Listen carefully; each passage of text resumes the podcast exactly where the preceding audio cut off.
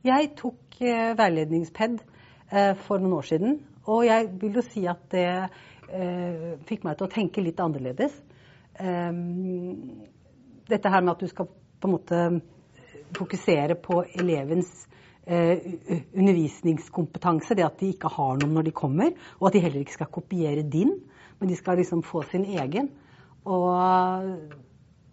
det føler jeg at jeg har gjort litt annerledes etter at jeg hadde den pennen. Jeg vil absolutt anbefale å ta den. Um, det gjør det litt lettere. Eh, som eh, studentveileder så har jeg 15 studiepoeng videreutdanning i veiledning. Og det er en fordel i forhold til å vite mer hva man skal gjøre, hva veiledning faktisk egentlig er.